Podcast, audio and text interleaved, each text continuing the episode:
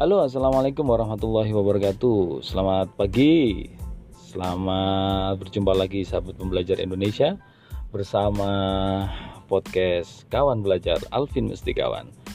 Uh, di hari Minggu yang cerah ini, saya kepingin ngomong dan membicarakan tentang hal-hal yang sangat-sangat kira-kira ya ringan, tapi itu penting. Dan kebetulan telah hadir bersama saya narasumber yang sudah memiliki reputasi yang sangat luar biasa. Beliau adalah Coach Ilham yang biasa uh, mengisi presentasi, yang melatih uh, dan memiliki pengalaman yang sangat luar biasa dalam uh, bidang pendampingan dan uh, milenial. Hari ini saya kepingin uh, membincang masalah tantangan milenial ke depan. Uh, kita ketahui bahwa dengan adanya disrupsi industri bahwa perkembangan telah sedemikian cepat dan tidak teratur. Nah, milenial pada saat ini, kaum milenial pada saat ini juga memiliki uh, kayaknya ada karakter-karakter tertentu bagi milenial yang untuk bisa di apa namanya membuat mereka bisa survive di masa yang akan datang. Oke, telah hadir di tengah-tengah kita Coach Ilham. Selamat pagi Coach. Pagi, Assalamualaikum warahmatullahi wabarakatuh. Apa kabar kawan-kawan pembelajar, sahabat-sahabat belajar di mana pun anda berada di seluruh Indonesia. Semoga okay. salam dahsyat luar biasa buat anda semua. Luar biasa. Aduh, kalau kita sudah ada satu kata dari Coach itu rasanya, anu gelombangnya sudah sangat luar biasa buat kita oh, semangat sekali. Oke, okay, baik baik. Uh, bagaimana Coach? Uh, saya kira saya lihat aktivitas Coach di IG, di Instagram Coach Ilham. Nah, Instagram ya Instagram beliau adalah Coach Ilham dan di ah, memiliki channel YouTube juga. Nanti bisa sahabat pembelajar Indonesia bisa mengakses dalam uh, di channel YouTube beliau. Siap. Oke. Okay. Jangan lupa like, comment dan subscribe. Oke, okay, ya. jangan lupa like, comment dan subscribe. Oke. Okay. Uh, bagaimana coach? Uh, bagaimana coach melihat uh, milenial pada saat ini? Oke, yang pertama itu saya ingin uh, bilang dulu bahwa kita hidup di era yang luar biasa dahsyat. Uh, kalau Anda mengatakan sebagai hambatan bagi saya, bagi orang-orang yang melihat dari sudut positif itu adalah challenging. Challenging. Nah, rumusnya kalau challenging itu rekan-rekan sekalian, setiap ada challenge pasti ada peluang besar. Pasti ada kesuksesan besar.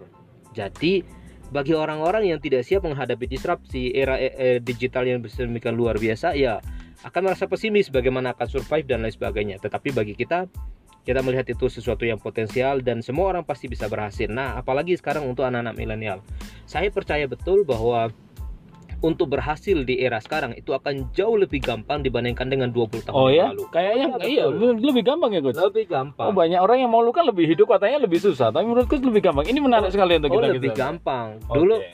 uh, eh, indikatornya cukup jelas kok. Dulu kalau kita ingin bekerja, punya uang, maka kita harus be bekerja di kantor di ada apa namanya kita susah payah segala macam dan kadang-kadang sebulan paling sehari bilang cuman bisa dapat eh, lima puluh ribu seratus ribu. Nah sekarang anak-anak milenial sehari mereka bisa dapat satu juta bisa dapat 5 juta. Wah wow, itu luar biasa wow, itu. wow, wow, nah itu anak-anak milenial oke okay. kira-kira mindset apa yang harus dipersiapkan oleh kaum milenial coach untuk uh, hmm. menghadapi situasi yang seperti ini ini? Apa saja kira-kira? Satu itu yang paling penting adalah kita semua dan siapa pun bukan hanya milenial tapi bisa jadi kita semua anak-anak milenial, generasi milenial, orang tua pun harus memiliki paradigma atau growth mindset. Oh, okay. growth mindset itu bicara tentang uh, ada dua ya kita melihat ya, ada yang namanya growth mindset, ada yang fixed mindset. Okay. Fixed mindset selalu melihat ini kayaknya tidak mungkin, ini kayaknya tidak bisa, wah ini peluangnya sulit segala macam. Okay. Itu kalau fixed mindset. Okay. Namanya fix artinya dia sudah sempurna, tidak ada pertumbuhan, tidak ada kesempatan belajar. Jadi fix artinya sudah paten seperti itu. Tetapi kalau growth mindset, dia akan melihat otak mental kita harus terus bertumbuh. Apa pun yang ada kita terima, lalu kemudian kita beradaptasi dengan situasi, entah itu mudah entah itu sulit. Tetapi growth mindset akan mendorong siapa pun, termasuk anak-anak sekarang yang okay. cara berpikirnya growth itu untuk jauh lebih cepat berhasil. Dalam bahasa lainnya kita harus terus uh, apa namanya belajar, tumbuh, kembang terus berubah begitu ya change gitu hmm. gitu kan kita harus berubah dan kita harus uh, apa namanya menemukan beberapa relevansi yang uh, kesesuaian diri kita dengan uh, situasi dan kondisi begitu iya betul jadi kalau kita bicara uh, bertumbuh Hmm. bertumbuh tuh syaratnya dua Apa itu? belajar dan berubah gitu Oke. kalau ada orang belajar tapi tidak tidak berubah berarti cara belajarnya salah Oke. kalau ada orang berubah tapi tidak berdasarkan belajar berarti dia berubah secara eh, apa namanya itu tidak secara tidak terbentuk artinya dia acakadul gitu bahasa Oke, kasarnya oke, itu Oke, oke, oke. jadi kalau ingin bertumbuh ya harus belajar dan berubah belajar itu berubah dan mau move- bisa move on ya. ah udah Ah, pasti bagi yang baru putus cinta harus move on ini. iya Hai, Jayo tetap semangat, Tetap tetap semangat. Mati satu tumbuh sejuta, nggak tumbuh seribu lagi sekarang ini. Oke. betul Menarik sekali. Jadi itu adalah paradigma yang harus dipersiapkan dan kira-kira kira-kira eh, menurut coach Ilham itu eh, apa namanya eh, bidang apa kira-kira yang memiliki eh, peluang besar nantinya itu? iya Apa apakah semuanya bisa memiliki prospek yang sangat bagus atau ada hal-hal tertentu ya? oke Bagi kaum milenial, bagaimana eh, situasi dan Iya. kondisi yang sekarang ini?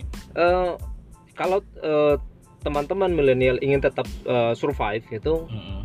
Eh, saya melihat ada dua pote- ada dua eh, modal utamanya. Hmm. Satu itu adalah modal jejaring, Hmm. sama yang kedua adalah modal untuk beradaptasi dengan dunia global. Oke, Jadi kalau kita lihat sekarang bisnis bisnis yang berbasis lokalitas, oke. ya hanya pada komunitas itu akan susah untuk survive karena komunitas itu pun apalagi komunitas yang sifatnya eksklusif dan sempit, maka dia tidak akan bisa bertumbuh. Oke. Tapi kalau pingin lebih besar size-nya, lebih besar uh, uh, uh, grow growth-nya, maka mau tidak mau jejaring. Jejaring ini yang paling penting, kemampuan Berkomunikasi ya. uh, bukan hanya berkomunikasi, kemampuan mengelola uh, semua modal digital. Oke.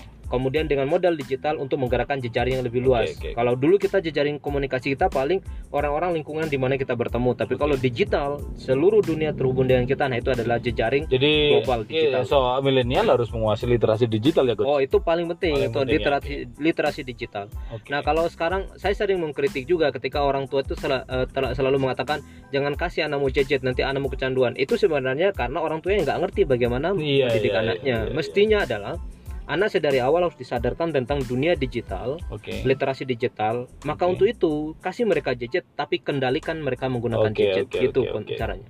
Oke, menarik sekali ini. Jadi ini kayaknya ada hubungannya dengan eh, podcast saya terdahulu terkait dengan Infinity Education. Bagaimana kita mendidik, kita belajar itu harus mampu eh, apa namanya dipersiapkan tuh mempersiapkan diri kita untuk hidup di masa yang mampu Betul. menembus batas begitu ya Betul. coach ya. Nah, bekalnya adalah kita harus melek secara apa namanya literasi Iya. digital itu Mm-mm. kita harus bisa berkolaborasi dengan komunikasi yang Betul. bagus dan ada paradigma-paradigma penguasaan-penguasaan kita mungkin lebih terbuka lagi tidak eksklusif lagi Oh, betul. tapi kita harus eh, membuka diri untuk bisa berkolaborasi berhubungan dengan dunia luar begitu coach ya betul sudah pasti itu. Ya, sudah Jadi pasti.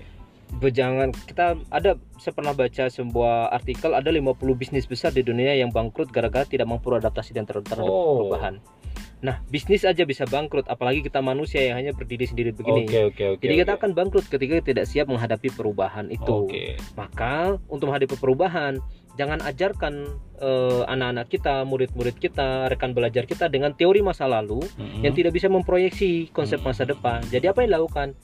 Beri mereka kemampuan cara belajar, berikan kemampuan eh, mereka kompetensi untuk beradaptasi.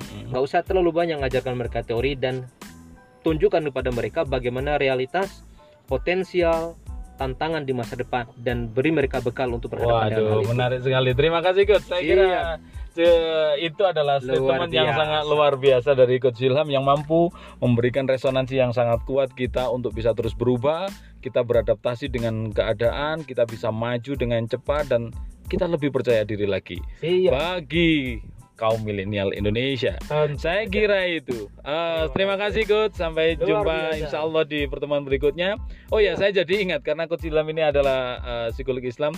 Saya jadi ingat kaidah usul fik tadi apa yang dis- disampaikan oleh coach Iya. Ilham bahwa kita itu harus terus berubah tapi kita tidak boleh melupakan yang terdahulu Iya. al muhafadzatu al qadimi salih wal ahdu bil jadidil aslah. Jadi itu itu saya kira bekal yang harus kita apa namanya pegang teguh dan kita tentu harus eh, memiliki prinsip, memiliki nilai-nilai yang harus kita pegang untuk bisa berubah tapi dalam koridor yang tepat.